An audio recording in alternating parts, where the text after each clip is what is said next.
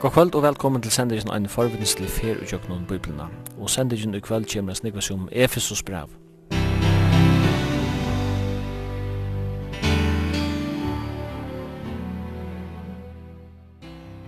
Henda sending er at høyre lindene, hvert mykje kvöld klokka 19 og endersendt vi er fyrir 17 bar klokka 15.30. Og i studion er Simon Absalonsen og Jekman Zakariasen, teknikar er Tore Poulsen.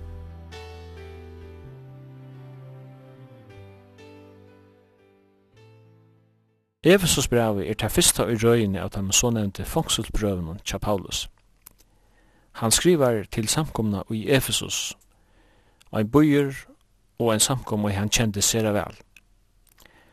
Han hei bo i bøynen i tru år som frasagt er i Apostelsen 19 og 20. Bøyeren la vi turskiske vestestrandene og ut i sånevnte Lutla Asia. Folkatallet i bøynen 6 der hava li om 3-400 000 så talan var om en sera stauran boi etter to meding. Boiren var mest kjentur som høvesmystø fyrir dyrskanina av godindene Artemis. Templet tja Artemis ui Efesus telist i middelen eit at han skjei underverknun innan bygging. Gadeførar, esterlenska religioner og gamla tjenester større trefst Efesus. Det var stor urslit fra missionsvirksomheten Paulus her og Jesus, som frasagt er i apostelsøvn. Likla åri i braven er «Ui Kristus».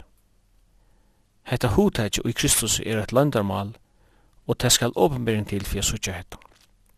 Åri åpenbering er til æsni attervendande i braven. Brauet teler seks kapitlar. Da fyrste trutje kapitlan er omtala særliga lærerna om kristne samkomna som likam Kristusar og byggning gods. Og i hesson parten av braunen er lesaren passiver og tegur møte fralære fra apostelen om evne som menneskjan støva i Kristus, menneskjan som er sett ut av himmelska, om et heilega tempelet som er bostaver gods, om kristne samkomna som landarmal mikla, om gods evig frels og atlan, Heser og flere sannleikar fylla Paulus ved en slukare glede at han kan ikkje lade vera ved at tilbya flere ferir i braun. Efesus braun man metas som tinderen av tøymon åpenberingun og god gav Paulus. Or som til dømes aren grunnvedler heimsins var lagter, og i fytling tøyana, og i hinne komande tøyun, fra avøyen tøyun, djeva okkun eina haumig av tui av tømande dypi av åpenbering som finst og i hesum brev. Søtni helmingur av brevnum amne lesaren om a liva et aktivt kristeløy, som til dømes a liva kristelige kallon verdia, a vera etterfylgjara gods, a liva i kærleika og så framveis. Og i søgnasta kapitli amener apostelen om at talan er ikkje best om et loiv, men en barde eller krutsk vi anda her ønskaparens og i himmelrum. Tui er neiet vi herklaun, og Paulus nøyde romerska herbonan som en mynd av tui andalega bardian. Og jeg vann er ivis ikke ut tui at uh, Efsos brev til Øysen brev som hodteget til. Ja, Efsos brev er brev som jeg har brukt noe nek tui og, som hever alltid hodteget med, og særlig eh, tar det kjemi til lærerna om det universale samkommet Guds, hvordan han, hvordan Gud hever eh, grunda en samkomme hver han valgte at føre sitt versk i jøknen, og, og hvordan vi så Vi vet han jo om hver vi er i Kristus i eget liv akkurat. andre liv til ære for ham. Og Efesus brev er, er en er, er et brev som, som gjør oss så omøtende djupa sannleikar særlig i sankum i høpe, og, og tog er det brev som jeg har opptykket med og tror det nekv, og som er bruker nekv tog er enn næsten og ikke annet. Hvis vi byrjar vi um, geografiene, byen ligger vi ved vestestrandene av det som vi rekker til for Torskaland, og, og i det er det visst så vidt det en ruin, Efesus. Men uh, det var en blomstrande byer til Hadov. Ja, det er en jeg også. Efesus var en ekvelig gammal byer, og onker heldur at han var kjølt grundaver så tullja som i etlendi öld fyrir krist. Og år 202 trus vera fullkomna lagt i øye av, av gotiskon herligen som kom eh, vestan fra Estretter og dette alt i, i øye men allukka så var han enderester og han, han fikk en utrolig tudningamiklan leiklot ui, særlig ui tui romerska rujtjen, av tui at eh, Efesus blei valdur av romerska ryggen til å være høvestavren eh, ut i provinsen som romerska ryggen kallar i Lutla Asien. Det er samme som at høveshandelen i Lutla Asien som sjående er eisen middenlig i midden i Europa og, og Asien, eller fjerde ester. Og, og alt for i kjøkken Efes, Beie, eh, sjåveis og eisen i land. Tøy var Efesus en tøtninga Michel Bujur, han var storur, han var metropoliskur, han var multietniskur, eh, han var omedaliga rujk og bujur, og et møvlig slø av handle eh, for jungen bujen. Vi eh, sutja ruinenar av tøy fantastiska bujene som er vær i fyrste etter Krist, enn i det. Og det er en lydel bujur, eller en lydel bygd, en, en torskisk bygd, eh, som ligger ut i områden enn det som, som du kanst vitja. Og tan, tann bygden eitur Anasalok. Det er også grøllangst. men det er et torsk, torskust navn. Og, og det er utrolig nekkar ferer som er gjørt til Efsustea for å kunne forhitje etter ruinen eh, fra tog bæge teatren og eisen marskerplassen og ötlen hinen som var fra Paulusar døven som han skriva til her han ligger som du sier av vestersøyene av turskuinen og i det. Og ein åren tjøkken byen åren man kom akkurat til havnene av byen. Og han hon er et kustar av egen. Og det som jeg kjente i Efesus var det det var utrolig flott landskap nek fjöll jeg kjenne eisne Efesus og i det. Og her vokser og medlemmer nek trø fram vi oarbakkanen og Efesus og medlemmer flott. og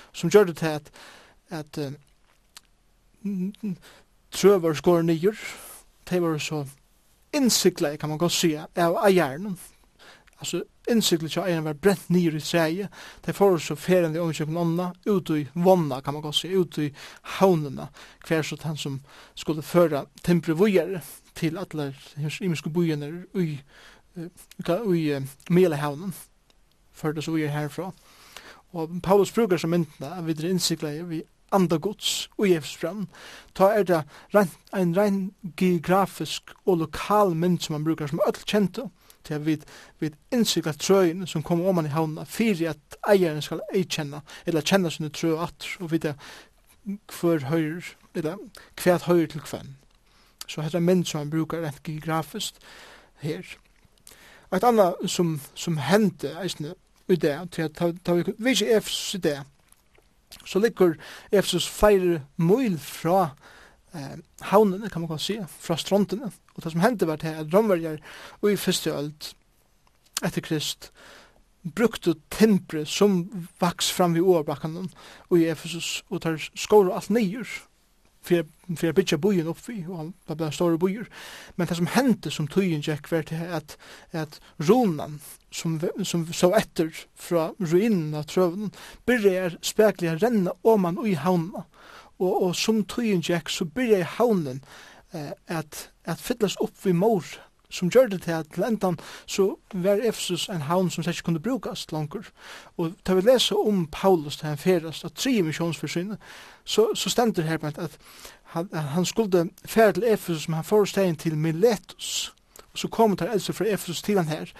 Tog at tar helt helt langt ta av Paulus og døven, hver havnen i Efesus så mye vandamisla siklen og i grunn til at det som Ramvar hadde gjørst, at at skip vanliga får ikkje nú inn i Efesus sjálvan, men forheldu til havnene som hørte til Efesus med at Miletus. Og til avverst har vi lesa om om myndene som Kristus brukar til Efesmen i oppenberingen kapitel 2. At det er ferien fra første kærlegan. Ta er akkur som mynd som man brukar her, at første kærlegan i Efesus var her havn, det var her industri, men det er akkurat som tar mist, tar for fratøy.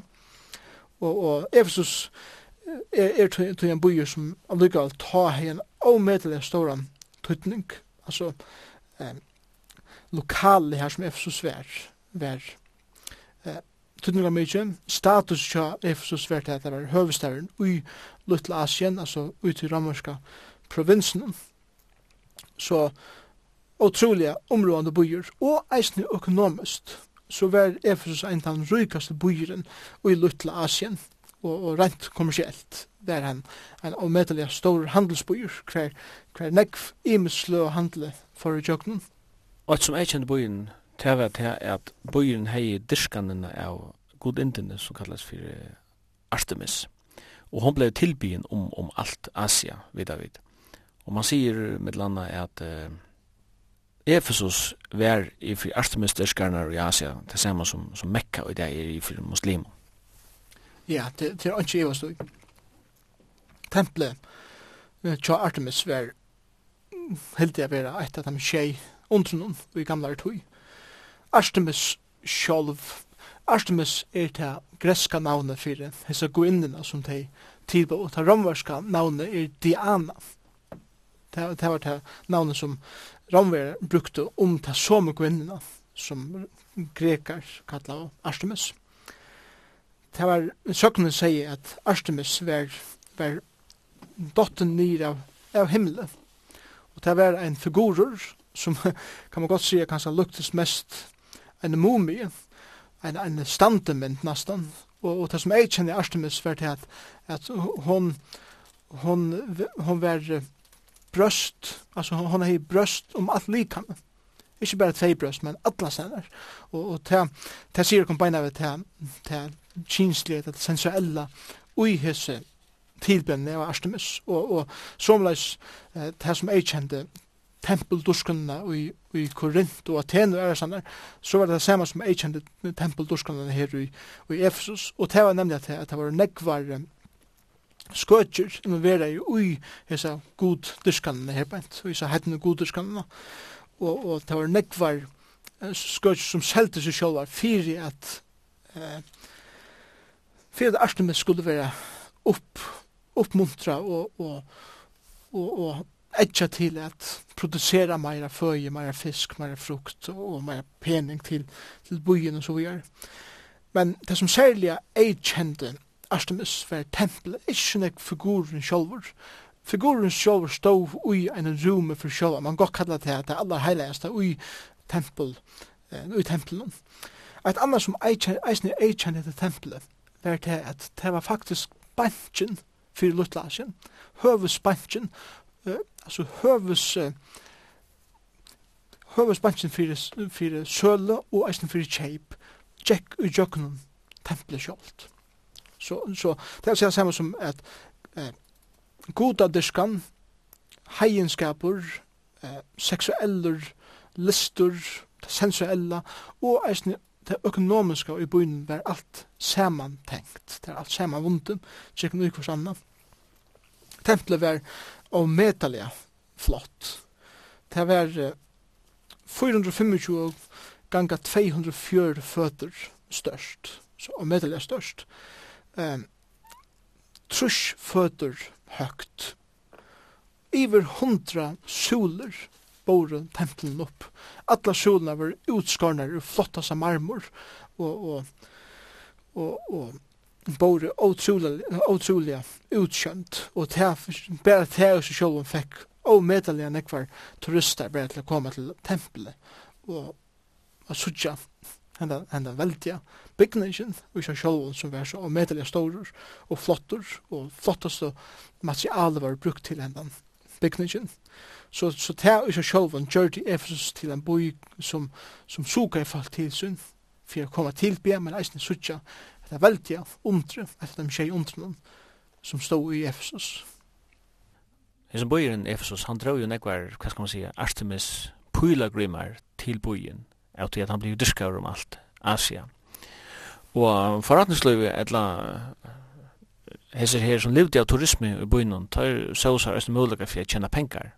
Folk kom til Artemis, eller kom til Efesus for å sutja dette, dette veldige tempel som var etter dem tjei underverkene, så det var et opplevelse for deg og som er minne tar man nu for har hava minne fra turen så kunne man kjøpa små Artemis modell altså små tempel og her var silversmyer som kjente øyne pengar på å selge seg små Artemis templene Ja, det er ikke, og vi leser om det i, i Apostelsønne, kapitel 19, tar Paulus kommer til Efesus, og han er her i en tog, så det er nemlig det som hender.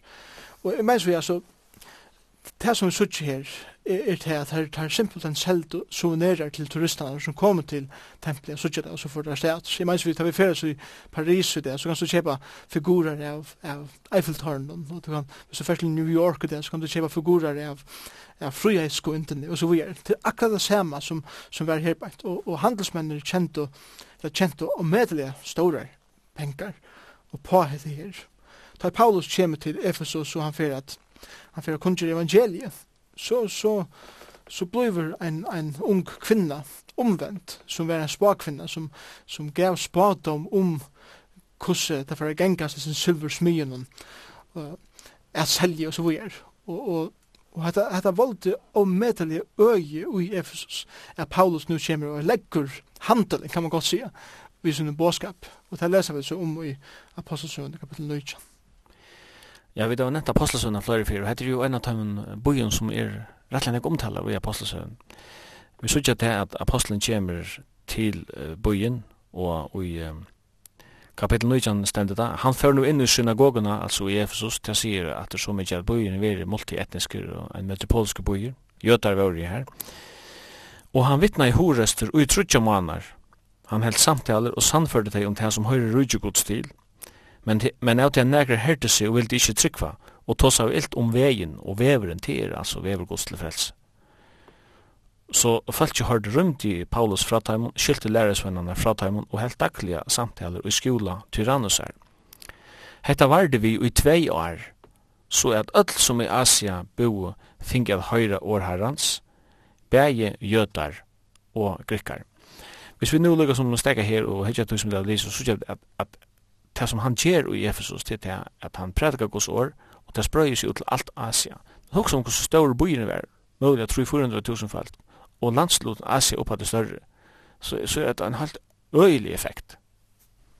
Ja, det, det er ikke også, og mange av dem som kommer til trygg og jøgnen prædikar Paulus her i Efesus, får sjálv ut til era landslutter i Lutlasien, og, og kanskje Jeg tar og leser til dømes Filemon-brev. Så var kanskje Filemon, en, en som kom til Trygg i Efesus, flyttet så til Kolosse, kanskje grunnar en samkomi her, og, og det, det spredde seg og medelig kjøttet ut til alt Lutlasjen, og som vi vet eisne helt inn i Europa. Det var samarbeida eh, samkommene i Efesus, vi vet første samkommene i Jerusalem, og, og, og hitje etter hvordan kjøtt kristendom spredde seg ut fra Efesus ut etter samarbeid i Jerusalem, og så så så vi at her her nokre folk som er nekk vitnar og at spreie evangeliet longer ut enn bare at her egna boi.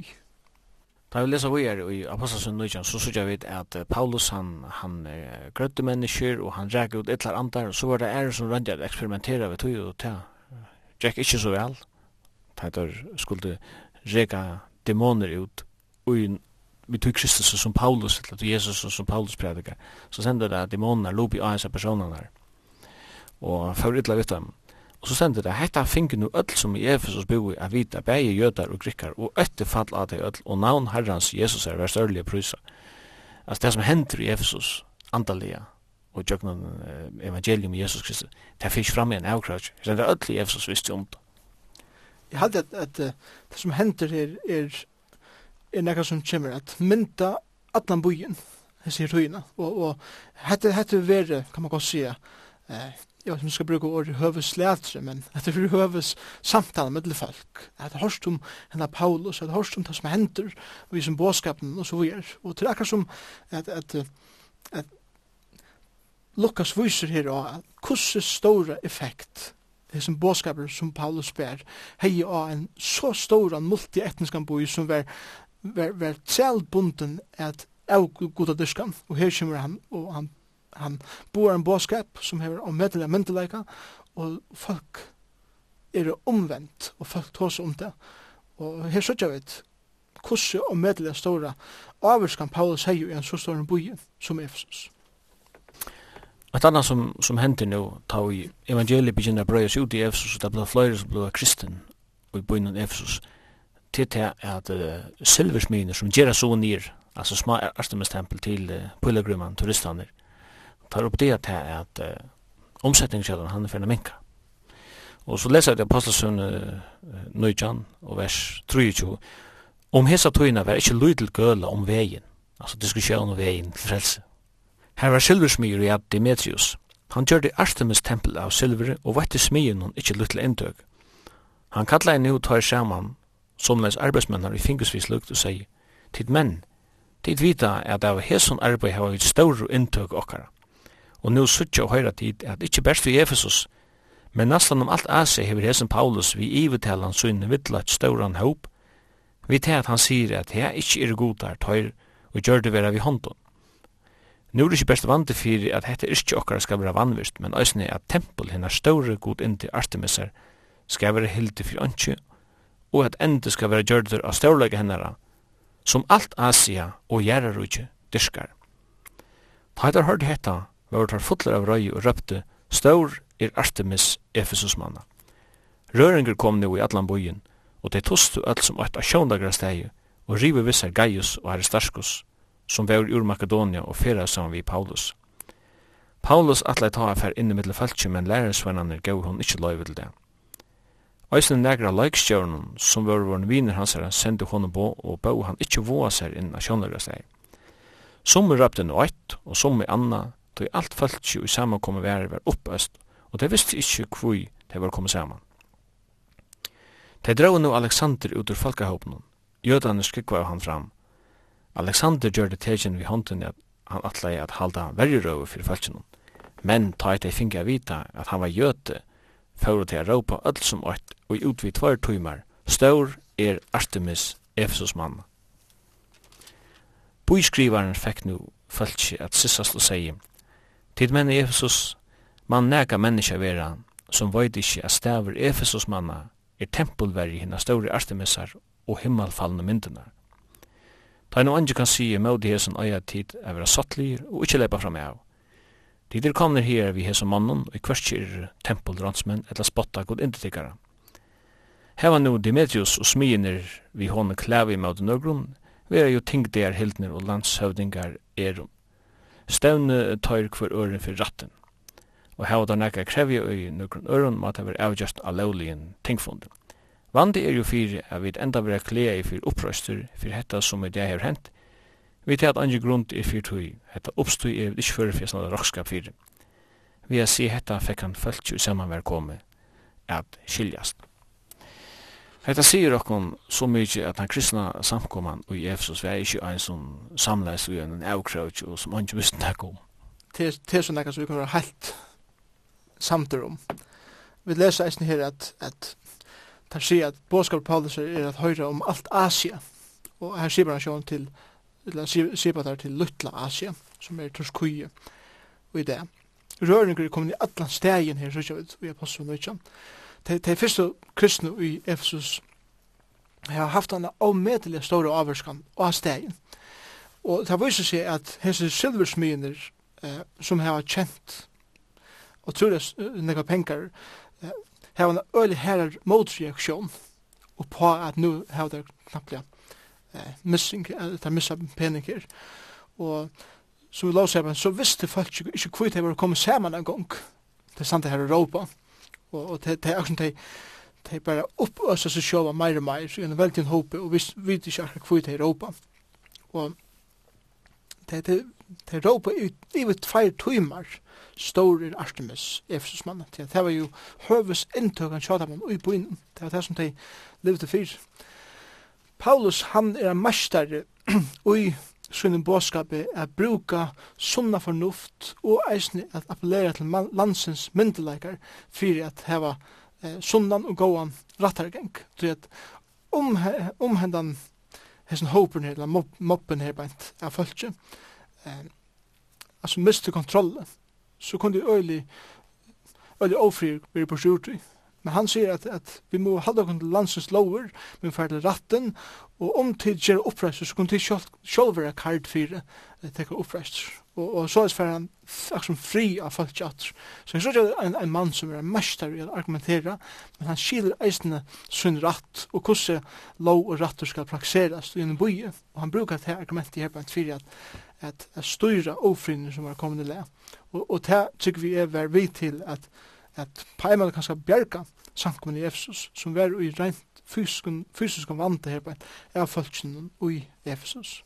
Vi sykja at Paulus er kommet til Efesus og apostelsen nødja, men til såleis vi apostelsen at hun forteller okken øysene søgnaste fer i Paulus hei samband vi til kristni i Efesus. Og det var som det du kom inn på at uh, han sendte på til deg om å komme til Milet, som er jo en, en, en grannabøy til Efesus. Uh, her stender i Apostles 20, sier han, Men ur Milet sendte han båt til Efesus og lærte henne eldste og i samkommen kalla tilsyn. Da det kom til hans herre, sier han vittar, tid vita, hvordan jeg for moin hei veri middeldikkere, alle tøyina fra fyrsta dag jeg kom til Asia. Hvordan er har tant herran i ødlen ei vi tarun og i frøstingen som er komnar av meg vid til at jødene har liet til meg.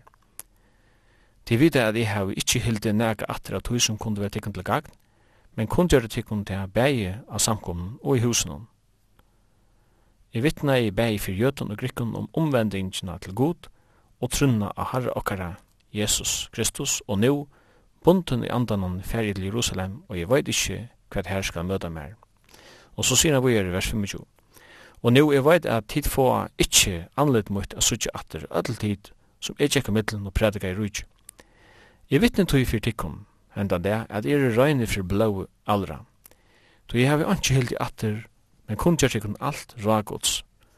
Ansa vi etter tikkun sjolvun, og etter öllum fylgjennom her heile anden hef sett tikkun som omsjona menn at røkta samkom gods, som har vann seg vi sunnen ekna blåu. Jeg veit at etter at er i færen skulle svarer ulvar kom inn i middeldikkara, og tar skulle ikkje øyra fylgjennom. Ja, middeldikkara sjolvar skulle menn stuja fram, som skulle tala til hver rengvart er for at rea lærersvenna etter seg. Vætje tog og minnes til at det tru år, har vi ikkje helt opphæt natt og det at amena eine kvann vi tar Og nu, djevi er tikkun opp til god og nai og hansara, hans han som mentir at bytja tikkun opp og djeva tikkun arvalot mellom öll tei som halka er. Og så kan jeg lukka lesa til sust at eh, Jeg sender vers 6 ut. Ta han hette jeg sagt, fall han av knæ, og bæ saman vitt ham løtlun. Ta skaur og tar adler og jeg grata, så svar han og tar fotle Paulus om halsen og kistu han. Og mest av øtlun var tar tunger av åren og han hei sagt, at han skulle aldri suttje anlet hansar atter, så fyllte der honom til kipet. Hetta ser ut til å være kjenslebarna lød. Ja, det tykker jeg til, til en stersk bond som er knutt mittlen Paulus og til tryggvandi i Efesus. Og han var jo tru år i Efesus og, og arbeidde sammen vitt ham, han underviste deg og opplarde deg i, i trunne, som han nå er ved at til Jerusalem, så, så kallar det til sin vi tog for eie at hette sørste fyrir til sørste med mye anleit. Og tog er fyrir til Jerusalem, og, og her er her, her hever god er at han vemmer. Han etja dem til at hekka seg av fylgjenen, han etja dem til, til at ansa etter fylgjenen, er stande motor eh, ulvun som han kallar der, som kommer inn, altså til falske lærer. Og så er det hendt en kjensleborn av løytan her, og jeg tykker at vi er at kunne kjenna vi hese månen, at de som standa okkur der, kære viner og familie, at de sier farvel, kanskje for seneste fyr, så, så, så har vi så mye kjenslen der. Da skår til aldri og gråta, og da fått om holsen og kysste han. Så her sørger vi en avmedelig en vinskap som, som de har sinne middelen, og, og til grunn til å henda vinskapen at Paulus skriva til ham dette brev. Jesus brev er kjent at han da at Paulus har sagt ham farvel her i Apostelsunni 20 og nokre år settene da så Paulus sitter i fengehuset i Rom og veit ikke om han kommer livet til gjør fra det.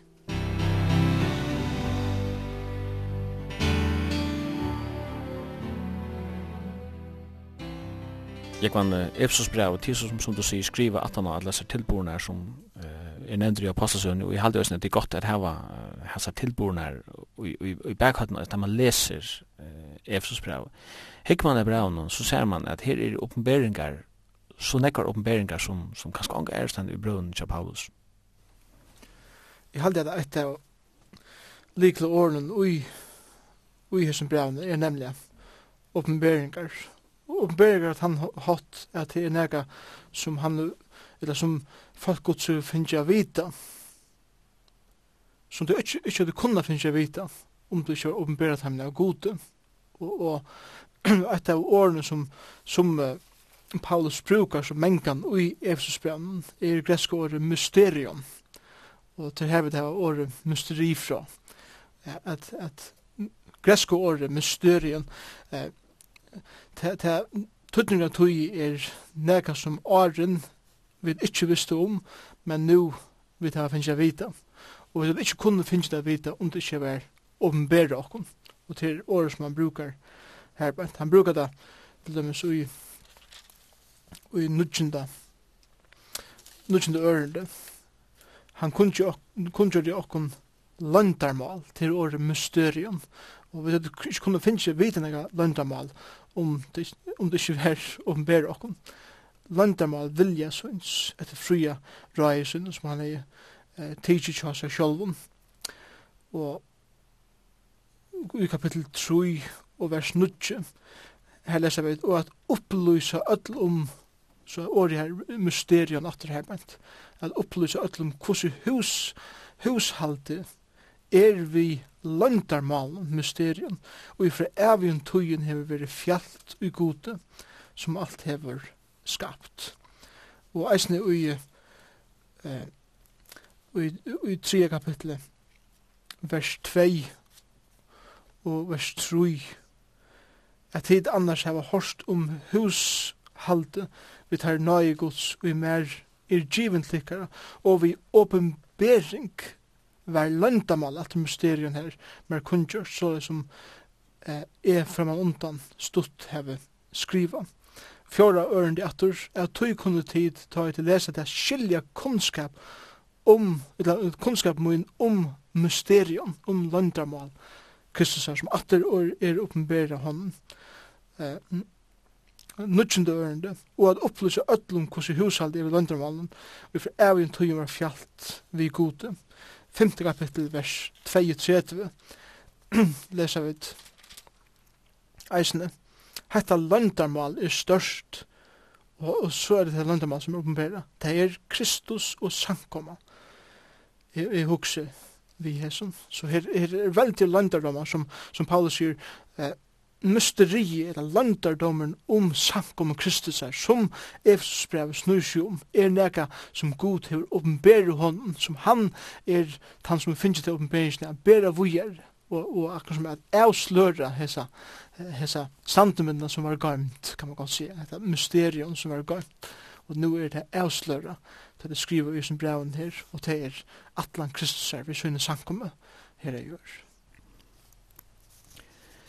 Da jeg vil lese i første kapittel, så sier han i ørne 15, så igjen jeg fikk at høyre om tryggtikkere av Herren Jesus, og kærlega tikkere til ødlin i heila har vi er to ikke heldig pæt at takka fyrir tikkene, ta i minnes tikkene i bønnemøynen, er at god Herre okkar Jesu Krist, feir dørdarinnar, skal djeva tikkene anda vusdoms og åpenberingar til kunnskap om se, og opplysa ei og hjertet tikkere til at skilja vannene, og i han hev kalla tikkene til, hvordan ryker ut ord arver hans er i middelen hinn i heilav. Han tåsar om anda vysdoms og anda åpenberingar til kunnskap om seg, og han innskir at de kristne i Efesus skulle få anda vysdoms og anda åpenberingar. Det byr han om. Så på samme måte som Paulus sjálfur hefur finnje åpenberingar og tjøknan anda vysdoms og anda åpenberingar, så var det også neid at hver ansteger eh, fekk han det samme oppenberingsene. Det er jo det som er endamålet. Vi lærer Paulus her, og til nemlig det at ein og hver tryggvande hever sjolver et samfellet ved Jesus Kristus, og han sjolver kan heva et samfellet som Paulus sjolver hever ved Kristus, og, og, og tog sier han at, at de kunne eisne heva beinleis kommunikasjon vi god hver han oppenberer for til hver han er, hva han er gjørst tjøkken året, og til kunne få visdom godt som han eisen i mer. Han kunne tid eisen sjolv få lot i. Så her, her, her viser Paulus at vi genga uh, vi genga saman vi við vi, vi tar som av vogn så vi ser okkar liv og okkar alit ui. Og, og han viser her at, at vi kunne hava et innande samfunn hver einstakur vi Jesu Krist sjolv. Man kan si at her er at hese her kristne og i Efesus det hadde liva pura atskilt for god utan vevn, som man sier i, i ören kapitel i Efesbrevet där han sier, «Eisen tikkun hever han gjørst livande tikkun som deg vår og i missbroden og syndon tikkara.»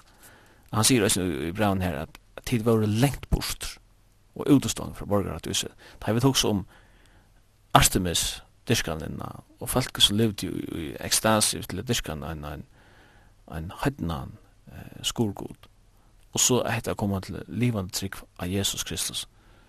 Så det er obeskrivelige målsetninger. Ja, det er ikke øverst, og Paulus brukar er en stersk år for å vise målsetninger. Han, han, han brukar målsetninger som deia og loiv til dømes.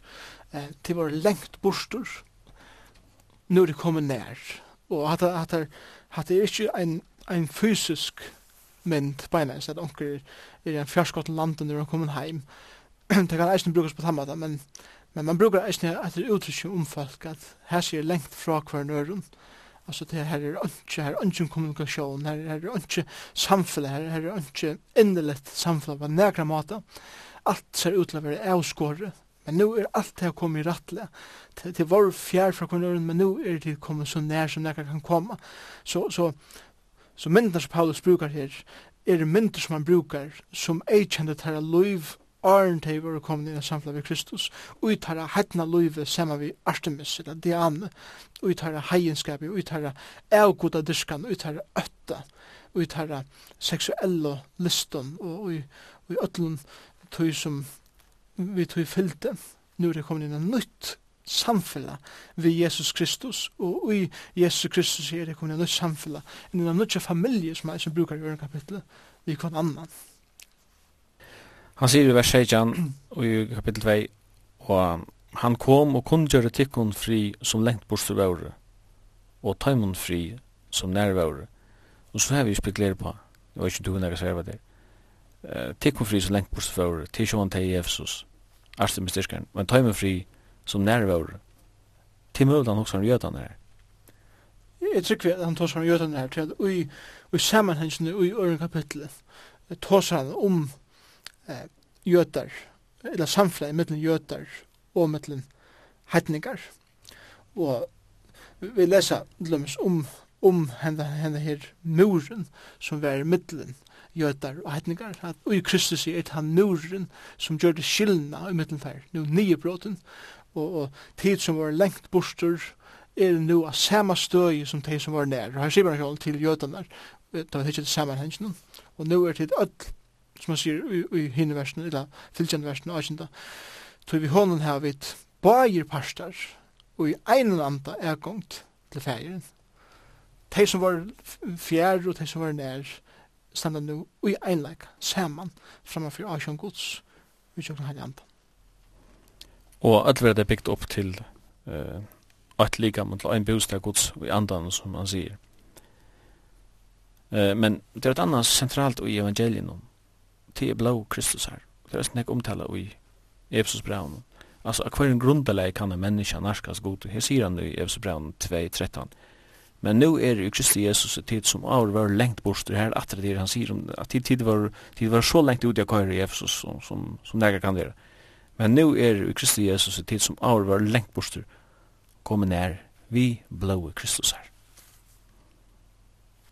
Det det är ju så att att at blåkryssesar er, er lichlen og i ötlensen her. Det som gjør det til at menneskene kunne komme ned, det som var lengt borster, er grunda av eh, en søvelig geografiska hending som var hendt uh, i at tutningin til Efsusmannen nokre år, åren, og det var da Jesus Kristus, god sjolver, tjekk ut av Golgata, og let sutt blå flåta for Sinter Heimsins. God kravde et blå offer, fire eh, at sunn vreie skulle være stilla, fire at mennesker kunne komme atru inn i et ratt forhold fyrir gode.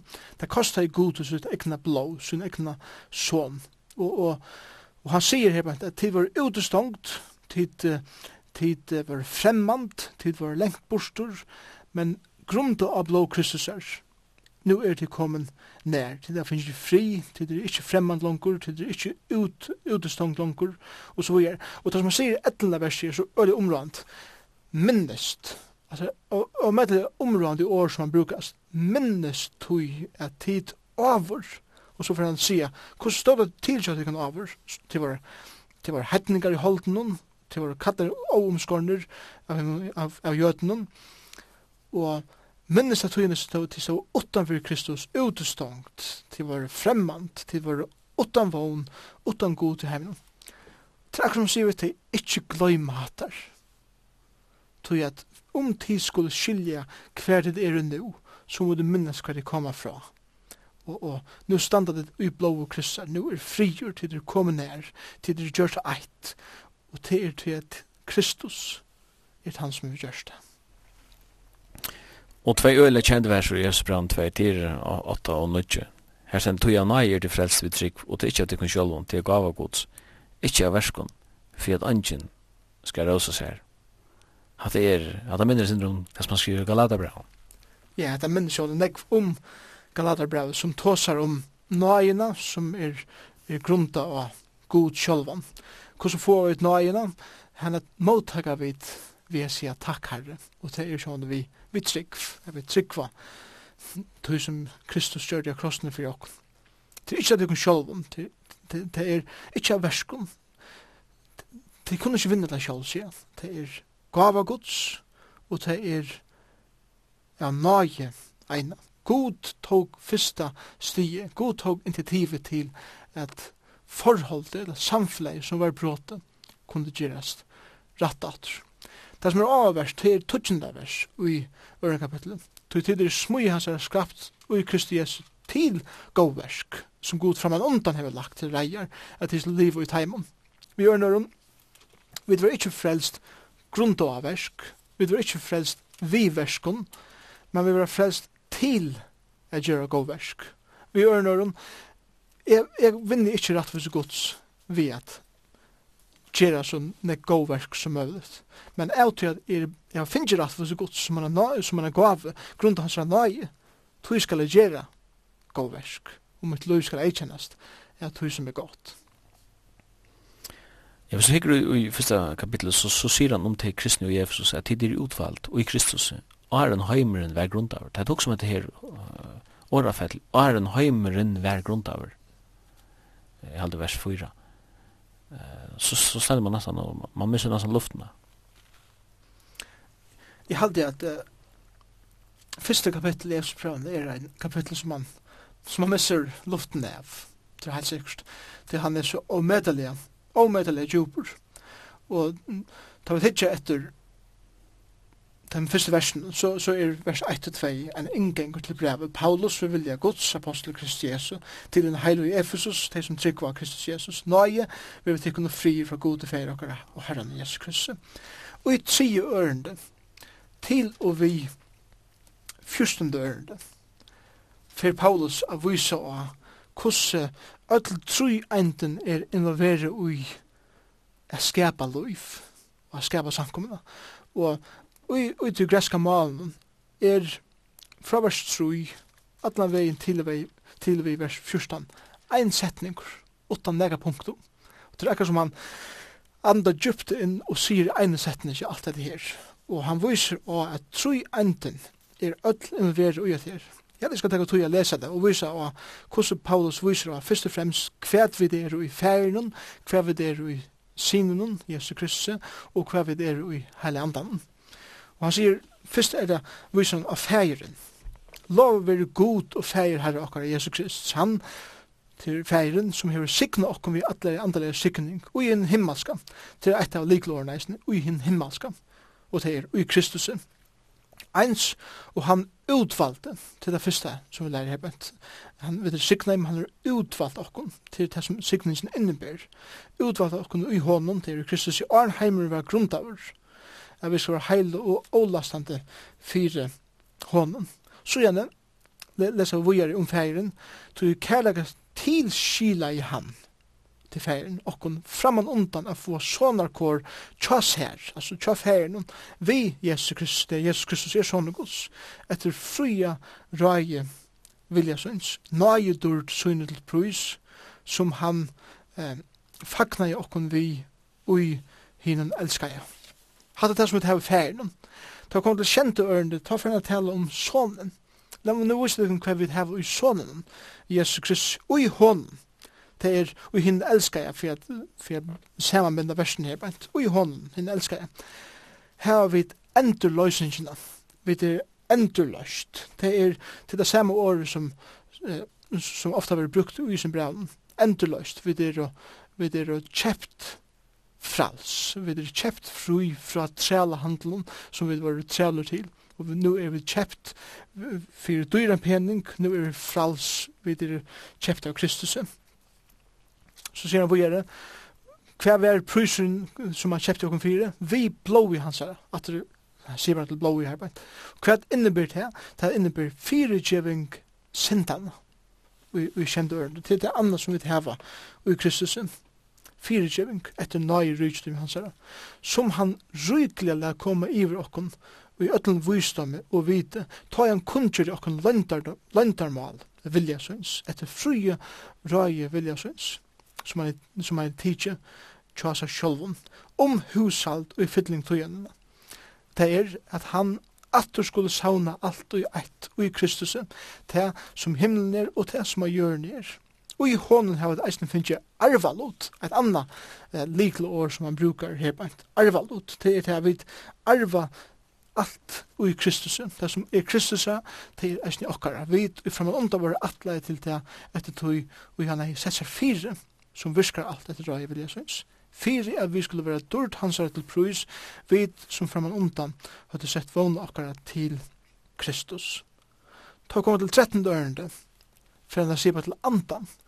Og i hon heva eisen tid tøy det hørte år sannleikans evangelium om frelsetikkare. Ja, i honom heva eisen tid tøy det var kommet til trygg finnje innsikle heile andans som lover han til heile anden som er panteren om arve okkara at okna folk hans skal være endeløst dyrt hans til brus. Vi hører om det som han sier her til utvalgt i færen, tid er å tilskil i færen, og i sånn er til endeløst, det finnes fyrirgjeving, tid det finnes en åpenbering, tid det finnes arvalod i Kristus, og panteren til alt det her er at tid er innsikla i hele anden, og jeg sier bare til at det er innsikla av trøyene i Efesus, ta det kommer og renner om sin anna, om en havna.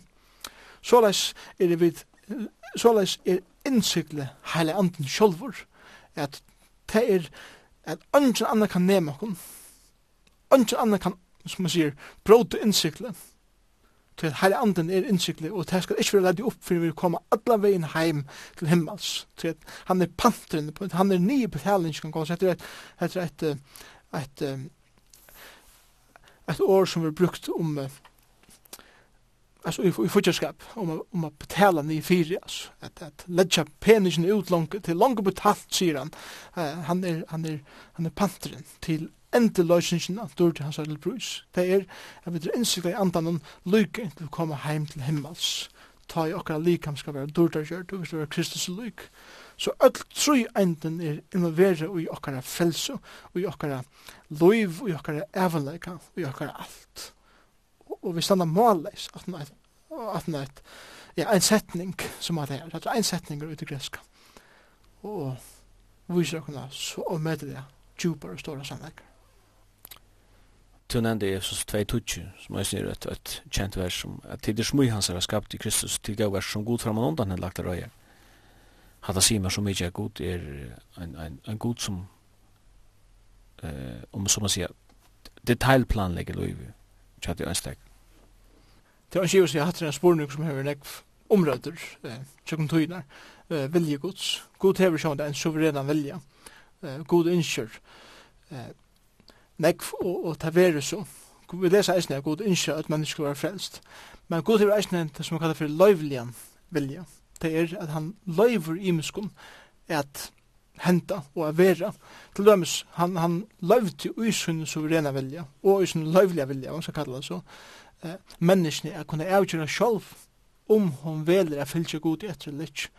Og, og her gav god okkur menneskene en frujan vilja eisne. Så vi tar tås om vilja gods, og vi tås om suveræran vilja, lovliga vilja og fria vilja okkar, som vi sutja alt det her og ljósene av hver nøren. Og, og ta, då vi bedre at sutja eh, heldar myndina. Så at om god hever planlagt alt, hver detalje, så, så kommer det ut i og, og hva vi ikke hava sier sjálv. Men eller Bibelen er pura greit at Gud hever en løyvlig vilja. Vi uh, sutja sjálv at Gud uh, kan brøyta sin vilja i skriften. Jonas, uh, Gud hei atle at eit Nineve, men Gud gjør det ikke. Så han, han har myndelega til å brøyta sin vilja.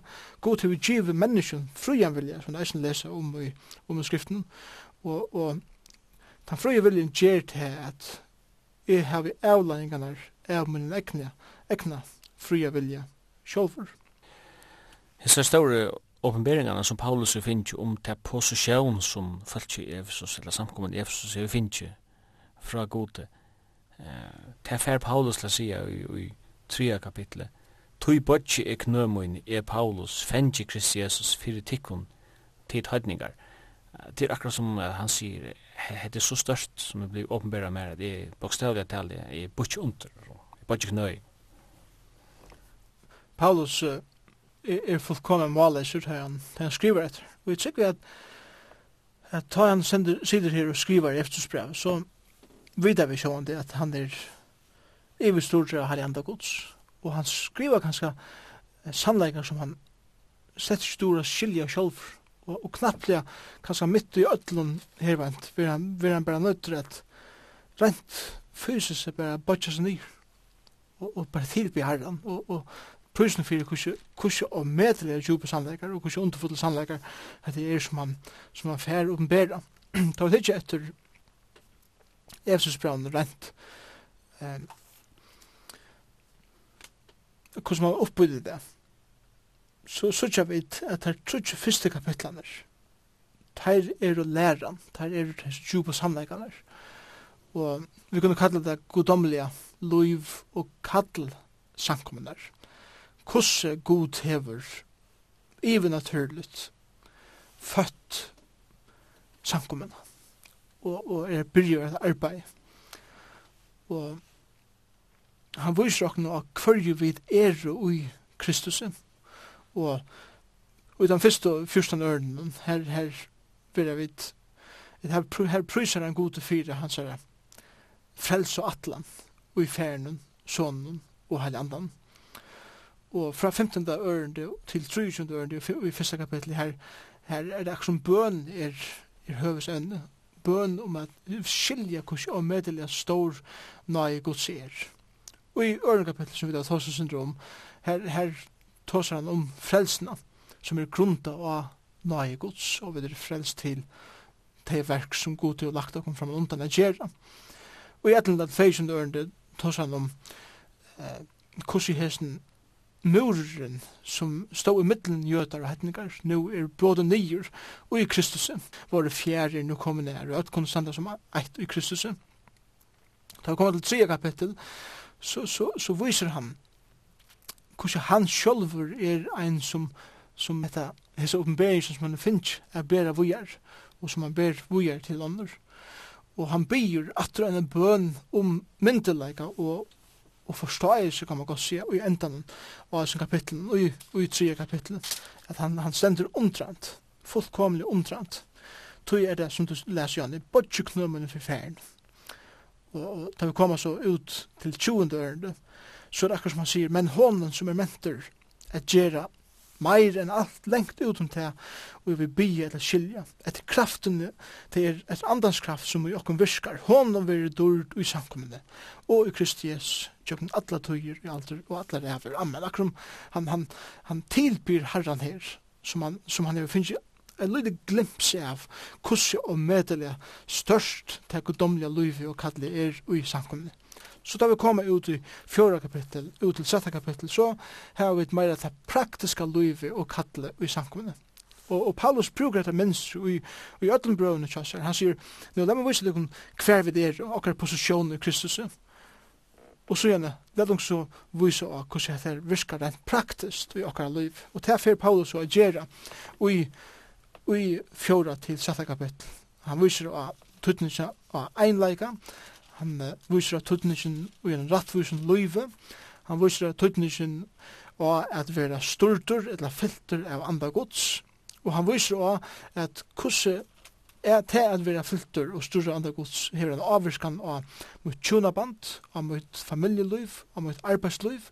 Og han viser eisen jo hvordan vi så ui heil andans kraft, rent praktisk i løyvnen, eh, berjast okkara andalega bardaja i motor svika uppen, Djevelsens, og så endar en brev ved en helsan. Jeg tar nevner her at det første trutsk kapitlet er mer passiv, kan man si, for han som sitter og leser til at han han kristna som sitter og leser Efesus brev, men det største trutsk kapitlet, 4-6, er han mer aktiv parten av Efesus brev. Og vi sørger det er jo i mynden om, eller den illustrasjonen som apostelen brukar, og i kapittel 2, samanluknar han da kristna samkunna vi en, en, bygning. Og en bygninger han er som man sier, han er ikke, han er ikke aktiv utan forstand, han stender og, han omboar en bostad og er passiver. Men i kapittel 4 omtalar han det kristne samkomna som et likam, og et likam til handlekraft og til aktivt. Så ut i passiva parten er det bygningen, ut i aktiva parten er det uh, lika. Men jeg husker om et annet vers, et, et annet uh, år som er nek omtala i Efesus braun, til nøye. Ja, Efesus brev er kjennest av nøye, og særlig er det som likla versen her, tog jeg nøye er til frelst, vi trygg, ikke til sjølven, til gava gods, og at det er et likla vers uh, i Efesus braun ta vi hitja etter nai i Efesosbrannen og, og hugsa om alt det. Nu hugsa om, om uh, i hessen kapitlen. Kanskje sier jeg 2 og 3, nu har vi tås om kapitel 1. Alt rujudum som fylgje vi hessen nai er så avmedelig størst.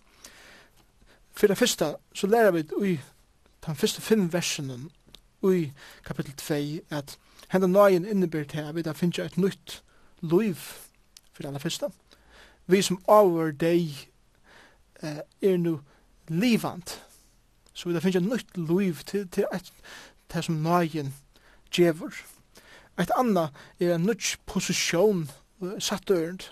Han har reist okken opp vi hånden og sett okken vi hånden i en himmelska heimen i Kristi Jesu.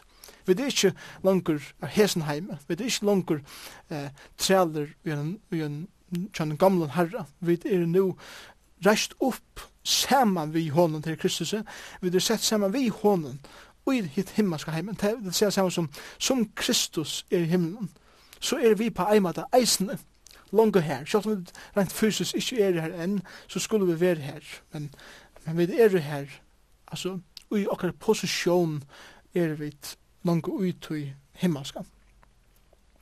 Han viser eisne og i kjente ørende at henda nøyen hever givet okna et nytt perspektiv uh, for at han og henne kommande tøyen kunne vise hvordan og medlega ryk nøy hans her er vi gøskum at okken ui, ui Kristus. Nå at finnes jeg et, et evet perspektiv.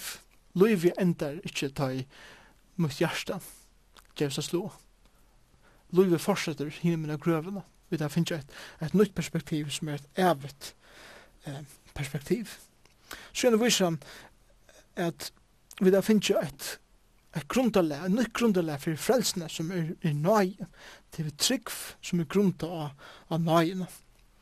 Vi da finnes jo et, et nytt kall og et nytt arbeid, og det er tutsendørende. Jeg vet, jeg har nå finnes jo et kall til god versk og en nytt arbeid som er til vi liva rødt liv. Vi da eisen finnes jo et nytt samfunn, kan man godt si, og til fra etlende ørende og ut til agende ørende. Og her viser han at nå er det jøtar og heitningar kommer saman i ett likam og i Kristus hver, vi, hver vi nu tjena saman, hver vi genga saman til einleik og i, i sin likam. Og han viser eisen jo at vi har nytt mål og det er, eh, til, fra 19 til 22 ørende til det ikke langt fremmede utdangen, nei, til det er samborgare, henne heilakar og husfolk. Hva det er husfolk er simpelthen året familie.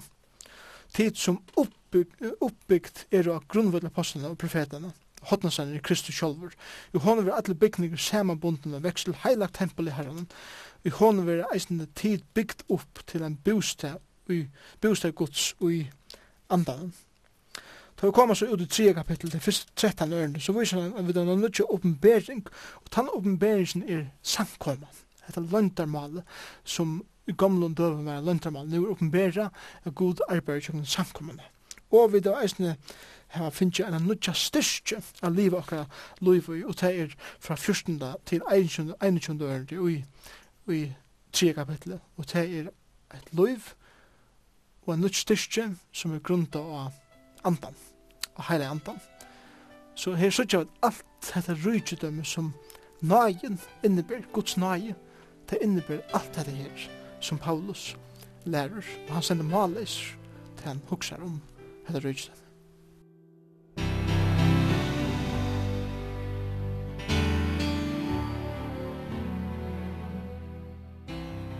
Ta sig at kapittel 4 jeg kan så sugja vi at han tåsar om einleika. Og man vet at det var nekt tås om kristna nøyleika. Og ofta han vet her sett i samband vi en, liksom som at det er bare en, en outgir man teker. Men uh, hikk man at Efesus brev så er det grøy avhendning om at at øynløyki i meir en, en bunaskap, nekka man vekser opp til, hugsi om vers 15 i kapittel 4. Einleiki er nekka som vi sjån skapt er gode, men til nekka som vet må komme skilja betur og, og vekse opp til som du, som du eisen sier.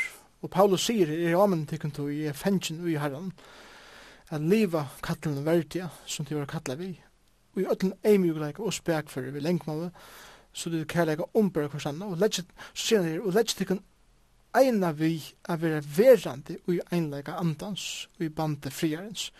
Så det er akkur som einleikin er en posisjon som du kommer inn i, men oppgaven sitt her så er at er at verja den einleikan, og at veksa, kan man kan si, ui oppgavene, vi at vi skilja einleikan betur, og at du har utføran meira praktiskt uttutt eh, dagliga eh, gerandes loiv, kan man kan si. Og så er det fer Paulus at definera hva hessen einleikan er. Og til å ha vers, det som han fyrir sier i sin fylgjende jörn, han sier, Einleisen, er det ikke eina vi er vera verandi og einleika andans. Så det er grundar for at han einleika, det er at vi er i andan. Det er at vi er folk som hava anda Guds ui okkom, ein som er komin i en samfla vi Jesus Kristus. Hva er det? Eit likam og ein anden. Til ein herre, til ein trygg, til ein dopur, til ein god, fyrir aldra, som er iver ötlun, vi ötlun og ui ötlun. Og det er akkurat som han brukar hessi her, hessi her uttrykkene og i kontrast til det som Efesmenn kanskje var bjerga ifra og i Efesus. Og det han sier at einleis andans, det han sier saman som at det er heile andan som nu samanbendet ikon, det er ikke nega anna, det er ikke det er ikke Diana, eller Artemis, eller tempelen eller det seksuelle eller, eller handel, eller nega som sammenheng til heilig anden, til eit likam. Og her sier han sjåan til det universale, eller allheims samkommende. Og i, i kontrast til alle ter multireligioner som var å finna i Efesus og hesson døven, eh, da Efesus brev var skriva, så sier han, og til ein anden, og det er sjående tre personer trojande innar til heile anden og det er i kontrast til allar ter ometalige nekvo demoniska andaner som var innoverer i tempeltilbjørnene i Efesus og, og eisen døven og eisen som hesser ytla andaner og andaner, som dominerer av heienskap og at heimen døven så vel som i det Underandar til heilig ande i kontrast til, eller motsetning til øndarandar. Til ein, ein vogn, sier han i fjordørend. Ein vogn ui, ui katteltikkara. Og det er eisne kontraster til, til eh, heienskap. Det var ikke liva fyr. Det var ikke vogn om nekka framtøy. Det er liv vi hever livet igjen, så var, var alt livet. Og, og Og her er det kontrasten. Vi heva en vogn og til Kristus. Ein herre, Jesus Kristus, sier han. Og det var sjående i kontrast til det som i heienskapen og i tavrende filosofi var til ljósene som man skulle nå oppnå til ljóspunkt i livet, til perfekta som man kunde oppnå, men som man omgående allukket kunde oppnå. Ein trygg, og det sier bare sjående til eh, grundlærende i skriften, grunn av det som Jesus sjølver hei last, og, og det som han eisen sjående peika jo som hei autoritet fra gamle testament, og, og, og i kontrast til atler ter avmedelige nekvo og forvirra av filosofierna som var framme var eisen døven, som motsatte seg sjølven, og så vi er. Ein doper, og til sjående doper, heile andans, og, og jeg tykker vi, han, han sier bare til dop her andans er heldre enn vatten dop her bænt. Og det var, og det var i kontrast til öll hese ritualene som de høyde for at oppnå ter hettene godene eh, som var at heimen døv.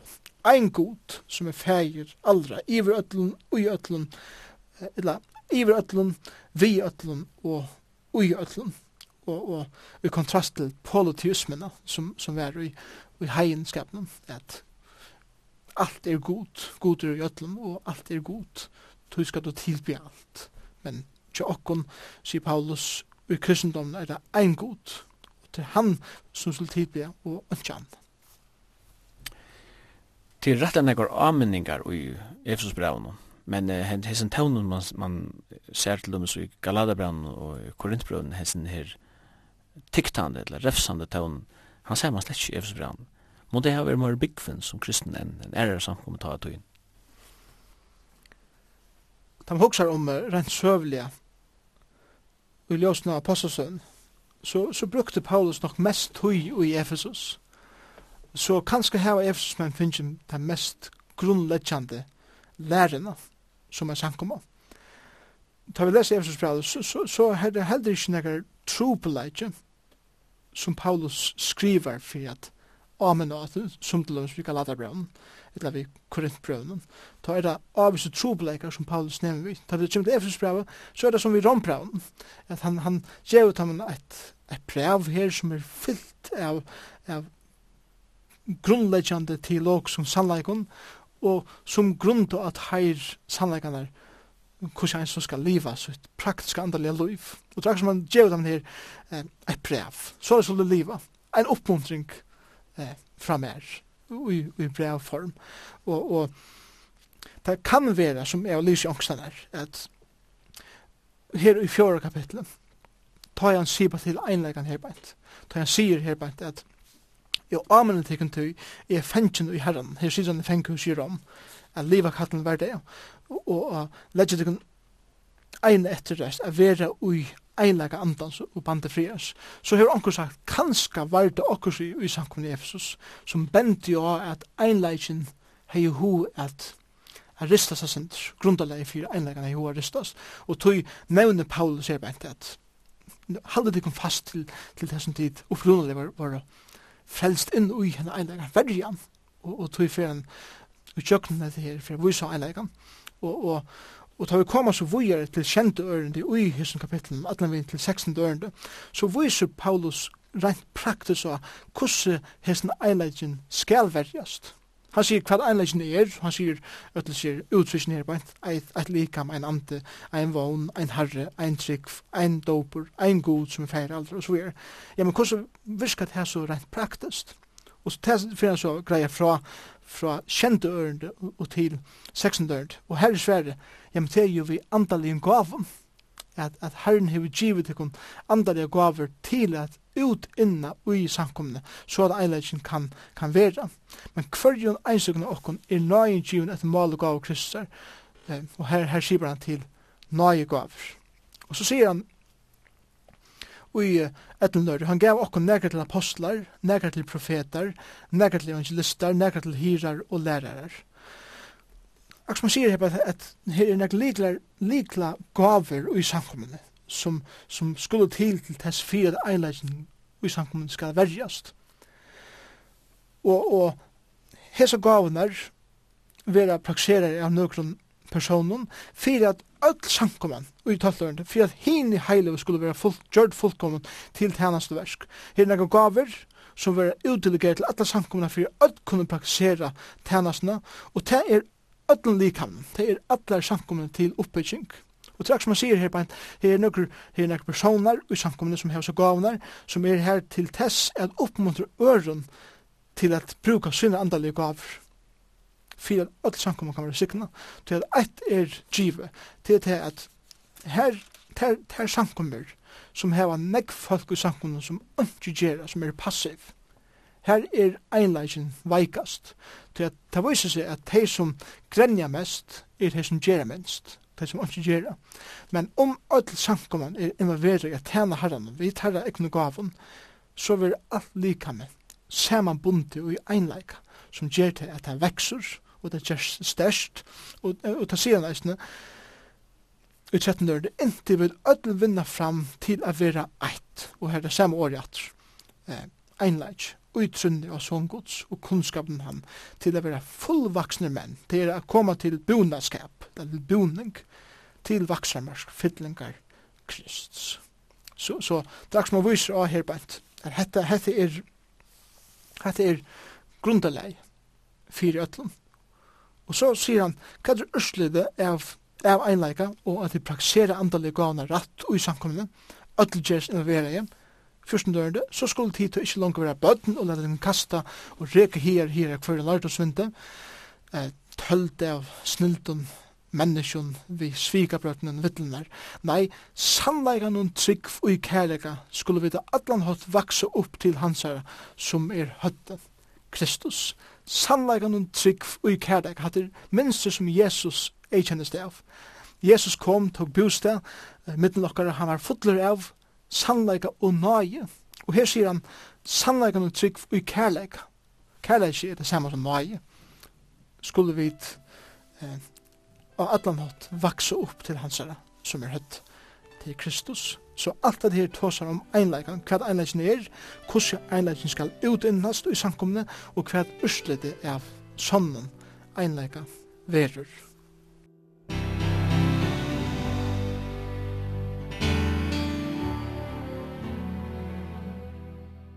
Da man leser Rombrau så ser man enda av brevene Paulus gjør halsane til en ørgrunnig menneske som er nevnt av navnet. Det lukkar man døyler halsane ut til høyre og venstre. Og vi vet at da han skriver om brev hej han et eller annet om angående ver i Rom. Så man kan spise sig om hvordan känt han alla menneskene i i Rom. Han måste ha haft en kontaktflad i Arnan eller utanför bojen til, til folk som bor i Rom. Det er så hok som Efesus brev. Her er en bo i tre år och i byn i Efesus og, og kjente samkomna vel og virkelig. Men halsan er generelle, Ungen personlig halsan til lägren. Det virker som den øvda vir. Ja, det er avhörst. Det er avhörst hok som som du sier her. Det kan være at, at Paulus har kjent alt så mye vel at han er ikke, hun er ikke tørve at, at givet noen personlige helsaner. Eller her kanskje ikke vilja fornærme noen. Men vi vet så kurser at her er så ønsken eh, beinleis helsan til noen. Ameningene er i Efsbrand 4 kapittel om det kristne løyve. Det her ganger jo ut på at her at man skal ikke bare lade det standa til man skal arbeide aktivt, vet du. Han nevner til dem, man skal legge av i gamle mennesker som er spilt i darande liston, enda nu just og i andre sinnestegger, leda seg ui til nudja mennesker, og så framvegis. Onker kan skal si, men altså, hvordan gjør man nu det? Ja, hatt han utrolig god spurningur jeg tror at ta kristne livet er så og møtelig praktisk. Det er ikke bare en teori, det er ikke bare en filosofi, det er ikke bare noe som er som, som tidser er fjerst. Det Det kristna løyve som Paulus lærer her er til at, at det er aktivt til til fyrst og fremst aktiv fra Guds suje, han er den som kom til okkara, men til eisen aktiv fra okkara suje, at vi skulle leve okkara gjerande sted, ui hessen, hessen gudomlige eh, løyven som vi da finner fra herren, og, og han brukar ord som har leta til kun ui hitt nutja menneska, som er skapt etter god i motsetning til det gamla menneska som er jo spilt og det er syndafullt og så videre. Og så finner jeg djeva her i fjore kapitlet fra vers 25 ut et noen helt praktisk dømi om hvordan man leder seg ui etter nukja lika, men hvordan leder jeg god styra min løyve og hvordan leder jeg mitt kristna løyv avspeklast og utstralast i min, i min gjernes Det første som man tåsar om er at læra ikkje at likva, men heldre at sige sannleika. Han sier til lømmes, letje tui liknende av og tale sannleika, hvor vi nasta sunn, vi tale tid er hvers annars limer. Så rent praktisk, djevis vi likve og lærer deg kan sige sannleika. Jeg mener vi at, ta vi tidsi etter okkara eh, heim i det, så er likn som jeg kjenner utrolig nek mennesk, det er utrolig nek mennesk som strujast vi at det er at likva. Og vi tar et, vi tar et godt førest åretek som, som sier at liknare tørvar godt minne. Og, og til øyla praktiskt, tog at om et liv er kjennes av likva, så skal man alle minnes minnast hver, hver likn sier til handan, og hver likn sier til hiden, og, og så videre. Så rent praktisk, ta kristna livet er kjennes av sannleika og ikke likn. Et annet område som eisne reker alt menneske, det er øye, eller ilsen. Og han sier, eh, vera til ill, så sindi ikke. Let ikke solen sette i rei tekkar, og gjev ikke djevelen noen rom. Han sier ikke at det onkel skulle være ill, men han sier, om det gjeras ill, så sindi ikke. Det er støyr i øyen. Øye er en kjensla som god over giv i okkon, og, og til en naturlig kjensla som, som vi uttrykker. Men vi er ikke at, at bliva av så lest jeg vil ikke klare å styre okken, jeg vil slå av fra okken så er. Men Paulus sier at det kristne livet til sjående innebærer at vi tar til kjenslene av løye, men vi styrer det og vi gjør ikke djevnene rom å komme inn og bruke noe eh, i måten og nøren tar vi gjørest. Og let ikke solen sitte i reiet til karrieret og medelig godt prinsipp som jeg trykker eh, at om en mæver og kona, et kjønaband, sett seg til fire i sin liv, det er en omgang for det sånger uten å få til vidgjørst om til nekka kom mitt nok i det. Og medelig godt prinsipp. Så gjerne, for å nevne et annet område, som eisen reker nek mennesk, og det er et stjæla. Han sier, djevis for stjæla. 28. Tann ustålig hever stjæla i slankr. Hva skal han stjæla gjøre? Arbeid heldur, og djev i håndesund det som godt er, så han kan heva eh, nek a djeva tui som trønts. Ikke stjæla for øren, men arbeid sjål, så tykker han djeva øren, som ikkje hava lukka nekv som tid, rent praktist. Nå ikkje kjønda ørende, at annomrøy, og det er hvordan vi bruka munnen, altså åra vel. Angen olyklig tala kom fra tikkene av munnen, nei, slik som gå er til oppbygging og som nu tørvar, så de som høyra kunne få nøye av henne. Så det gjør når hun ikke bruka sarkastiske antaliot, ikke bruka nyursetende antaliot, ikke svørje, ikke hitja og tåsa nyronner. La det være år og tale som oppbyggje folk, som folk kunne lære av og, og kjenne nøye av og være oppbygge av. Og så gjerne til seinast, så, så finner innan noen omrøy som eier eikjenne av løyve. Alt bæskleik, alt ilsinne, alt vreie, gengur huan, ver, ver lengt fra dikken, ver tans det go kvar vi annan, miskunnsom, så det fyrir jo kvart øren, at vi grundalega en så god til fyrir jo tikkun i Kristus. Ver etterfylgjer munner, elskar bøtt, liv i kærleika, en så Kristus elskar jo og gav så sjåan fyrir jokken, eh, som gav og offer, gode, takkar enka. Så her er en imisk omreie, og i tøy dagliga løyvenen, hver jeg må læra jeg leta meg ui Kristus. Ikkje likva, men jeg sier sannleikan, ikkje, ikkje jeg leta øyina teka iver, men jeg styrir min øye, ikkje stjala, men jeg arbeid holde djeva, ikkje at heva nyer setande år og tala, men heldur oppbyggjande, og eisne at ikkje vera baskur, eller ilsendur, eller uh, øndur, og så videre, men heldur at fyrir djeva, vera miskunnsammer, og så videre.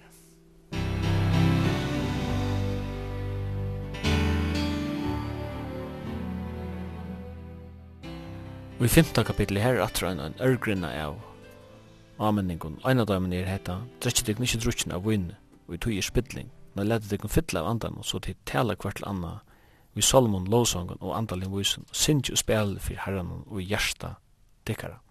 Det kan tidsi seg sin løy at han uh, spela seg kontrastan ut mot at du kvarn ørene, var filtra av vinn og filtra av hele andan.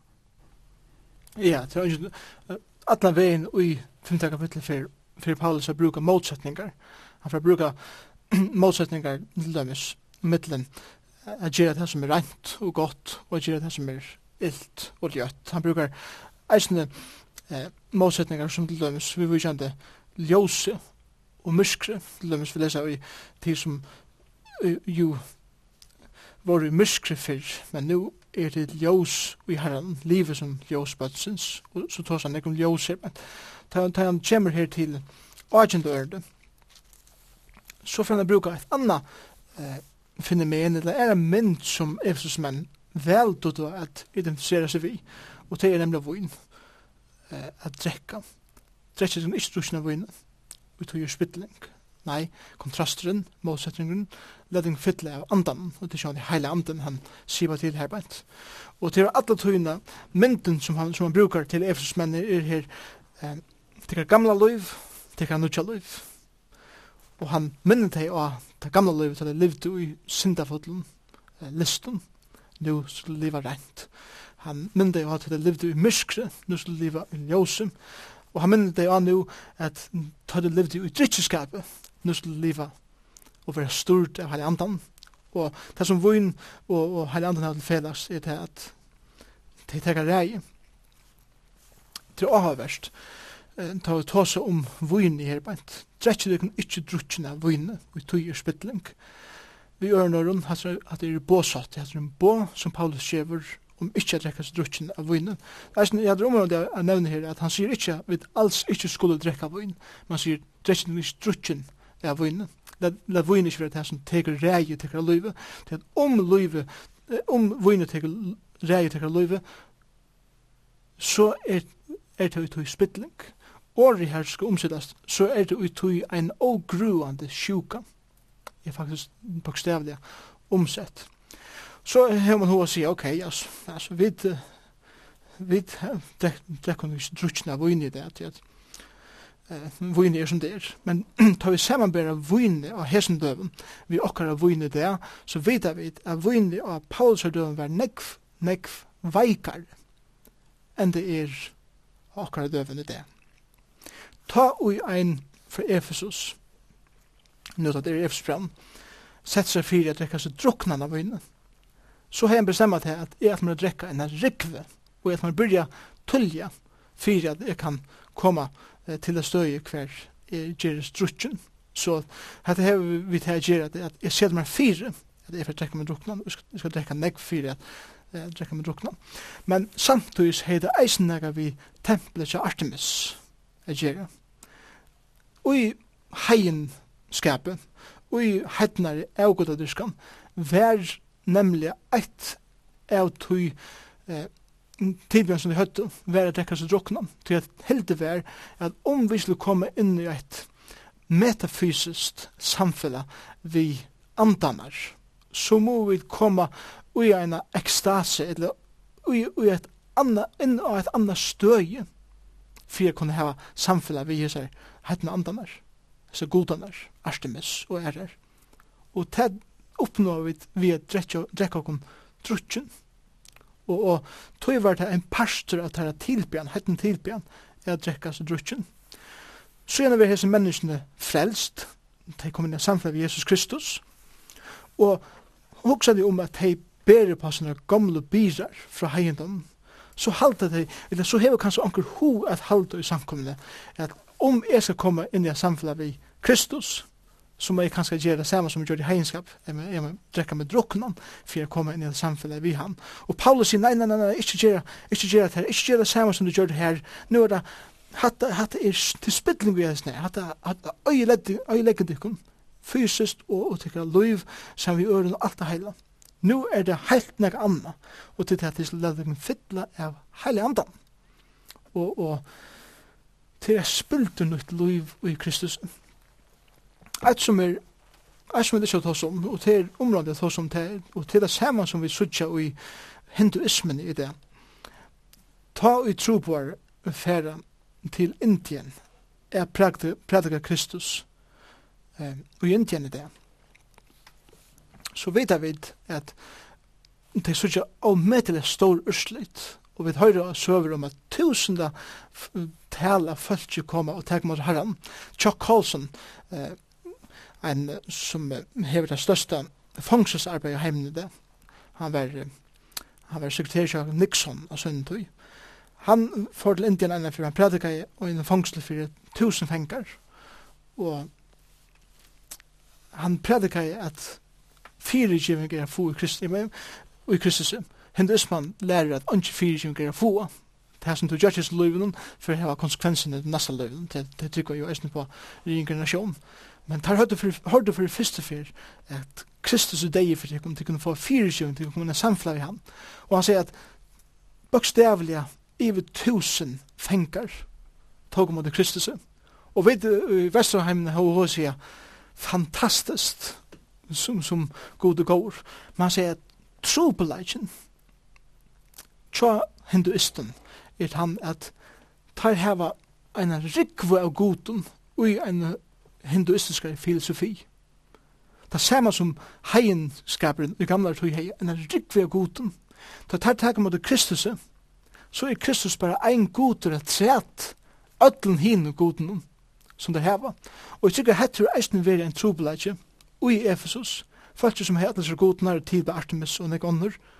Ok, nu tar vi Kristus eisen, skulle så bruke disse som ritualene som vi hava vi øren goden nu til Kristus eisne. Og Paulus sier, nei, nei, nei, nei, til må kvar atler hina goden han borstor, til er bare ein god, og til er argumentet kjønne kjønne i fjorda kapitlet, vi er einleika om, det er bare ein god, ikkje hin godan er langt.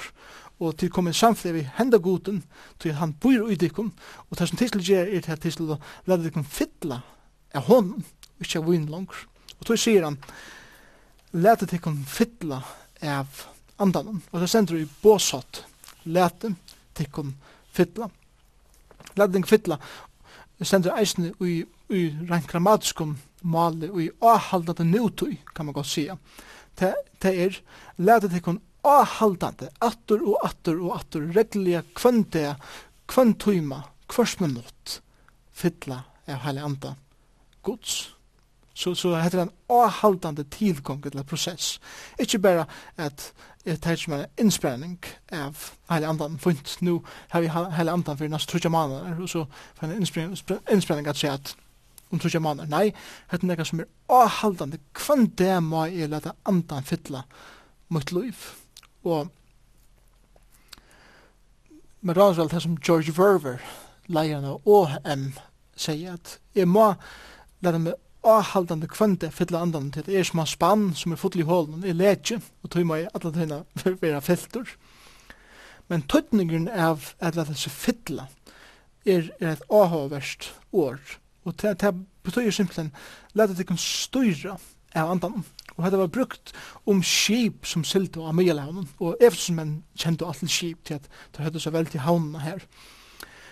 Og dette, dette at hever vi vinden som fyllte seklen, som drog deg av heaven.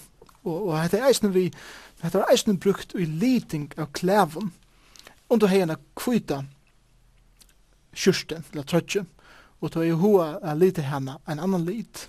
Og det var nek brukt av heimen døvna, eisen at lite av klæger, og det var nek brukt i Efesus i handelen her. Så kordet denne nyr i et lite evne, alla blusna som vær, og to du dippen og heltan i fire liter litrin kunde sökka jökna og velja.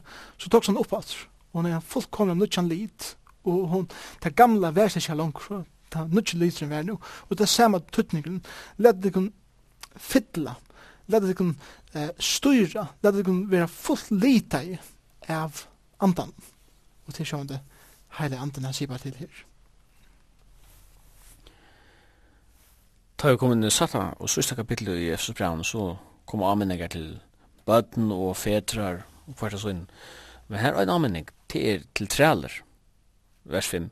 Akti herrar tikkar etter halden Vi øtta og bivan og i anfall hjertet tikkar som verta Kristus. Og hvis vi nu hikker det sånne her versen rent etisk, kan man si at her Paulus forsværer trælahalt?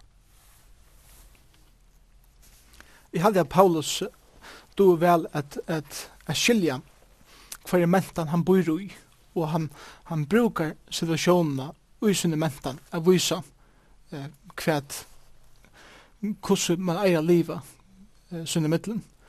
Jeg tykker ikke at Paulus altså, jeg tykker ikke at Paulus viser her av at vi kunne godt hava træler og færa vitaminer som vi vilja. Slett ikke. Men han viser, jeg tykker at Paulus skiler Og han viser her eisne at det er noen folk som tjena, og det er noen folk som leia til et minster som, som erkjenner alt livet. Jeg mener som vi tar tidsje til arbeidsplassen ut det. Så han sier eisne og til herrar, settene. Og man må sørge til sæler og ljøsene og til herrar. Så har vi folk som er arbeidsfolk i det, og vi har folk som er arbeidsgjevare i det. Og, og til samme minster som man brukar her beint, Det er noen folk som arbeider under omkring øren, Og det er minst som han brukar. Han, brukar, han, han oppmuntrar ikkje, og han stolar helt ikkje trela handel, at man vil selter fyrir ønske, og man vil berakna over som, som dyr, og så videre. Det er slett ikkje til Paulus sier til det her. Han sier til folk som arbeider under øren, og, og til en pass av kulturen som han eisne lever jo i. Og Jesus brukte til myndene mengan sjolver, og han sier, er det trealer, er en tæner, er det kommet at gjøre meg under, under, under vilja færs minns, er det trealer hans her, og tid skulle være lykka som meg.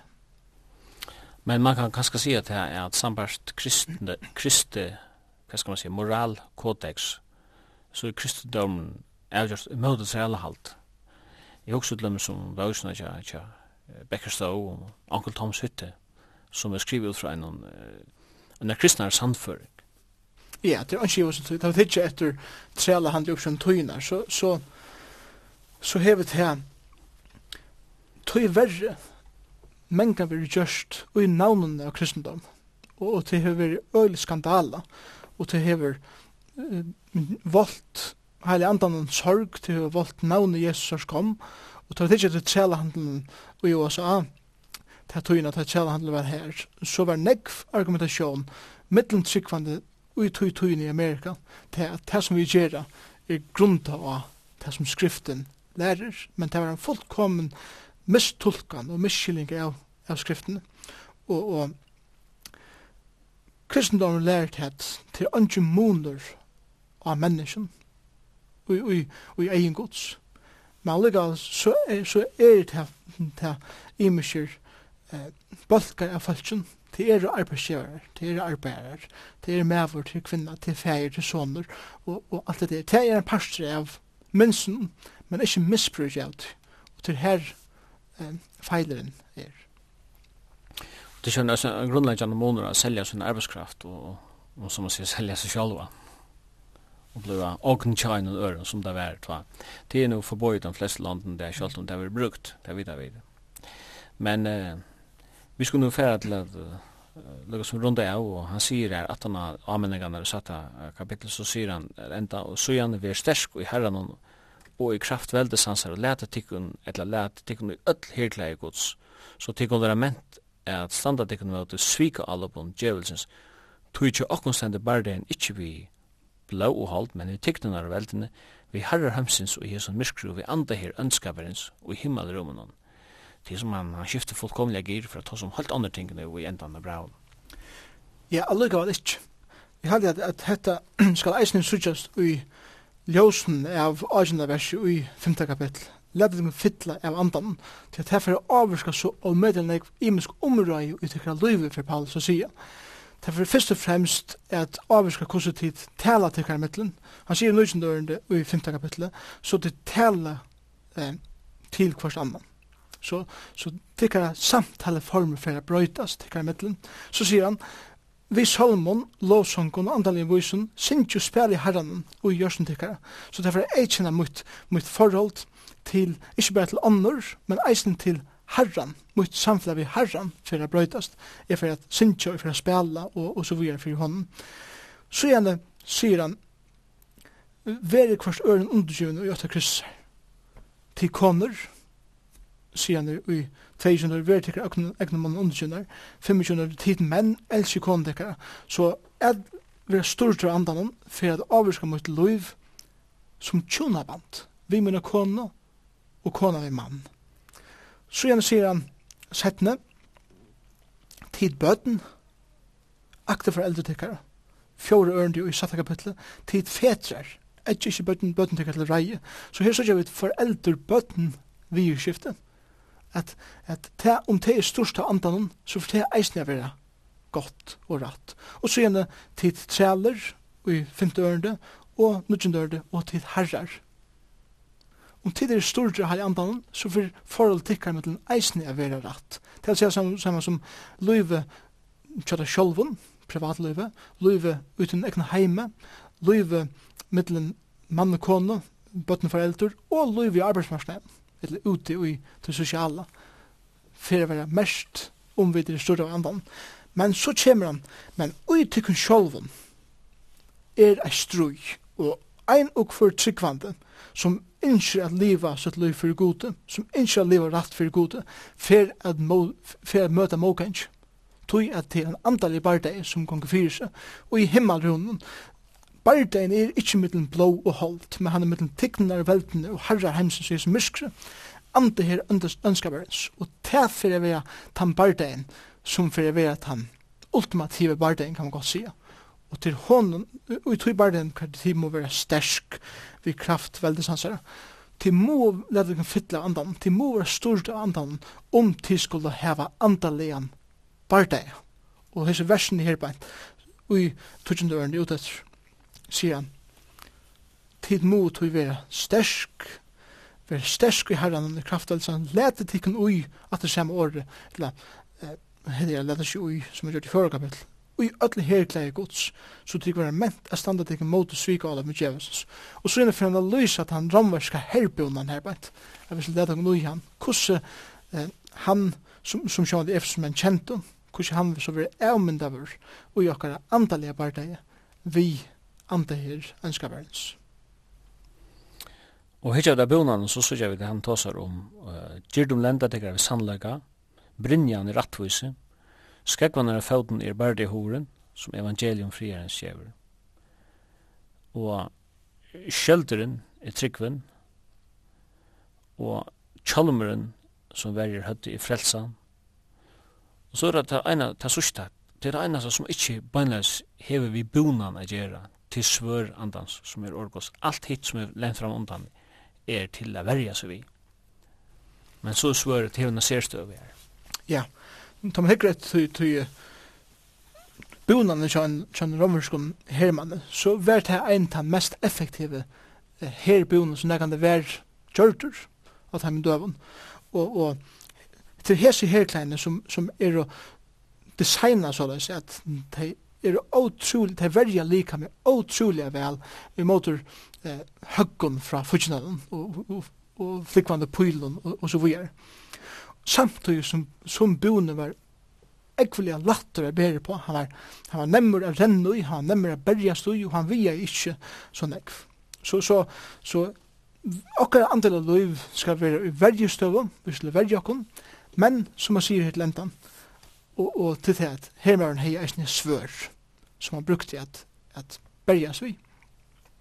Og det er okkara svør som er åre. Vi skal bruka Guds år til at verja okkom vi, vi måtte svika all oppen djevelsens. Og tog er det så om, om område at ta er vi lesa skriftene, er vi lesa der eisne harsht, altså at, at vi sier der verbalt og lesa der harsht opp, tog at Hinn andi ser ikkje minnar hoksaner.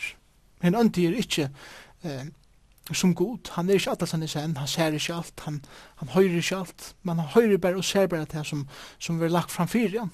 Og tog er ein av okkara vergen året, da vi brukar det måter, svigala med djevelsens. Så det er okkara svør, okkara vergen. Og grundaleg under ötlensen her, akkur som er endar vi bøn. Bygjandi i andanen, ein og hverja tog, for allir akkallan bøn, orvætjen utui og alltid avhaldande og bygjande for alle heilu, for mer vi, er mer slår ikke vi når til lette opp munnen, det er for dirve, a kunjira landar mal evangeliums, for, fyrir hver skuld er sendebu i landjen. Så bønnen er så omedelig områd i eisene, det er jo ikke parster av tog romerska bonan, men Paulus legger til at sier at her, at det er en parster av det andalige løyven, veist, Og vi må ikke bare bruke året, men vi bruker nesten bønene som okkara verja og okkara alup i okkara antallet parti. Jeg kan vi skulle til at rundt av kjøtt, men um, her til sørst så kunne jeg huske meg at kom inn på åpenberingsene kapittel 2. Her er et Efesos brev, at treet, som kanskje skriver en kvart. Uh, 25-30 år, 18 år, da Paulus skriver sitt fangselsbrev til samkomne i Efesos og han som skriver brev er apostelen Johannes og detekterer av Jesus selv. Og han sier skriva til angel samkomnar i Efesus. Og så kommer han nekker eh, nekker hera klapp kan man sier til samkomna. Men så stender her i vers 4 Jeg har tega i møte der at du er færre fra henne fyrsta kærlega tøynen Hoksa tøy om hvern du er fallen fra og vend vi og gjer som versk som avur Annars kom jo at til og skal flyta ljósa stekka tøyn ur steg hansara om tu venter ikkje vi. Så medan brev som Paulus skriver ikkje hever nekrar kvassar refsande avmenningar så her nøkker årsøttene så sett stod han stovan halt ørvisjode samkom. Ja, det er helt sikkert. Efsos brev var skrivet av Paulus i art middel trus og tvei trus til han sette fenghuset i Rom. Oppenberingen er skriva omlai år 55. Ja, Johannes, det han er fengje, ut i åttende Patmos, og han fær oppenbering Jesu Kristus her, og Kristus tala til hans her, eller jøgnum eh, Johannes til sankum i Efesus, og til tjei sankum som Kristus tala til. Og hette sjåan det ötlig sier årene settene, og sankum fær rås fra Kristus sjálfum, at de arbeider hardt, de har godt tål, de, de tolererer ikke skreiva lærer, de kan alle lærerne som kommer inn i samkomna, og så videre. Så tar vi ikke disse samkomna utvendige, så ser det ut av en samkomna som ser ut av en god samkomna. Men så har man en etfinning. Og det er det at du er ferdig fra henne første kærlega tøynen. Og at det er man blir nesten litt kjetter da man, da man leser det her, rent søvlig om samkomne, som heierne så møtelig gav byrjan, og, og som, som heier et brev som, som de kunne liva eh, grunda av. Men så gonger tøyen, 500 år genka, og nå ser det ut til at okkur er hent i samkomne. De arbeid så godt ut, tænasen så godt ut, eh, folk ser godt ut, da du hygger det samkomne utvendig fra, så ser alt ut å være helt ok. Men Kristus, han gonger på ljøsestegene, og han ser inn i hjertet, han ser inn om alt annet. Du er ferden fra tøynen fyrsta kærleika. Og, og til akkurat som at det som tid brente for, tid tikkar kærleikken til moin, tikkar halkan til moin, det er første tøyene at de var kommet inn i samfunnet med, det ser ut til at det er til kølna, og, og han brennade kærleikken, og, og han entusiasma som du høtte fyrir mer, hon er ikke her langer. Men jeg tykker det meir enn det, han nøyen som tid vust og mennesken som kom til tikkara, hon er heisne færen. Så jeg tar tikkara sankum nere, så ser det ut til at tar heva goa lærer, og tar kanna öll som koma til samkomna, om tar nu vere er, er apostlar, om lærane rødt. Og det viser seg at samkomna er blivin en kald, kynisk samkomma som bare hever eina, eit dogma som sier, er hetta rætt. Og allur eh, kristin brolig kærleikje er skikkavar bostur og er offra til så å si sannleika. Men Paulus sier sjálfur i Evsbrand, at sannleikene trygg og i kærleika skulle vekse opp til høyde. Men det som hent tredje var sett ned til at det er sannleikene trygg utan kærleika. Og til det som Jesus sier her, til det er færre fra tikkere fyrsta kærleika. Til at det har vært balansene med sannleika, men at det gjør at det er i kærleika og i nøy. Og så sier han vitt deg, hukse tog om hverjon tid er fattelen fra, og vend vi og gjør som en versk som avur. Det er få i nøyen atter, tætje og omfemne folk, ikkje bare være køld og kynisk og halde til en rett lærer og og hila henne som vil skrikva bort. Nei, tætje det kun eog for nøyren som eisne er det praktiske andalige løyve. Annars kom jeg og skal flytta ljósa til kantorin ursteg hans er ond og ikke vente vi. Og ta tætje er Efesus i det, så er det ønsken sankum her. Vi har bare ruiner og hadde samme støvan i sankum i Efesus. Ønsken sankum er, tror jeg det venter ikke vi vend ikke atter til fyrsta kærleikan. Og ønske, ønske ljósa seg, ønske ljós er i i det. Og kanskje er Turskui i det, det kaldaste kontinentet, det kaldaste landet, et muslimsk land som heter kristendom, her kristendomen byrja i og eina fyr blomstra i. Og man sier det her som vøkkan til kristendomen stod, det var noen torskala, etter kaldaste land i og emnet det. Man kan uh, saman om omtidig sige at søvann om Efesus, bare det her som sutja apostasøvn i Efesusbreven og Østene og i åpenberingsene, hon djever okken velja nekv at hugsa om.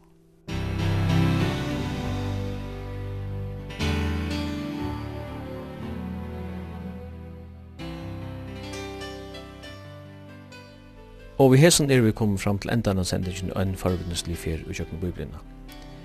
Jeg skal sige fra at henta sendinger at høyre lindene hvert mykje kvöld klokka 19, Enda endersendt vi frugjer 17. part klokka 15.30.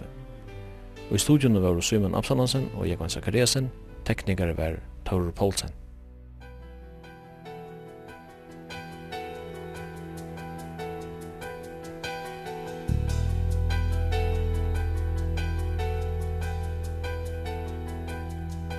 When he rolls up his sleeves, he ain't just putting on the red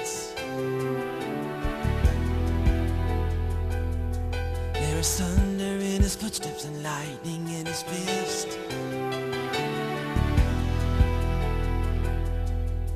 The Lord wasn't joking when he kicked him out of Eden. It wasn't for no reason that he shed his blood His return is very close and so you better be believing That our God is an awesome God.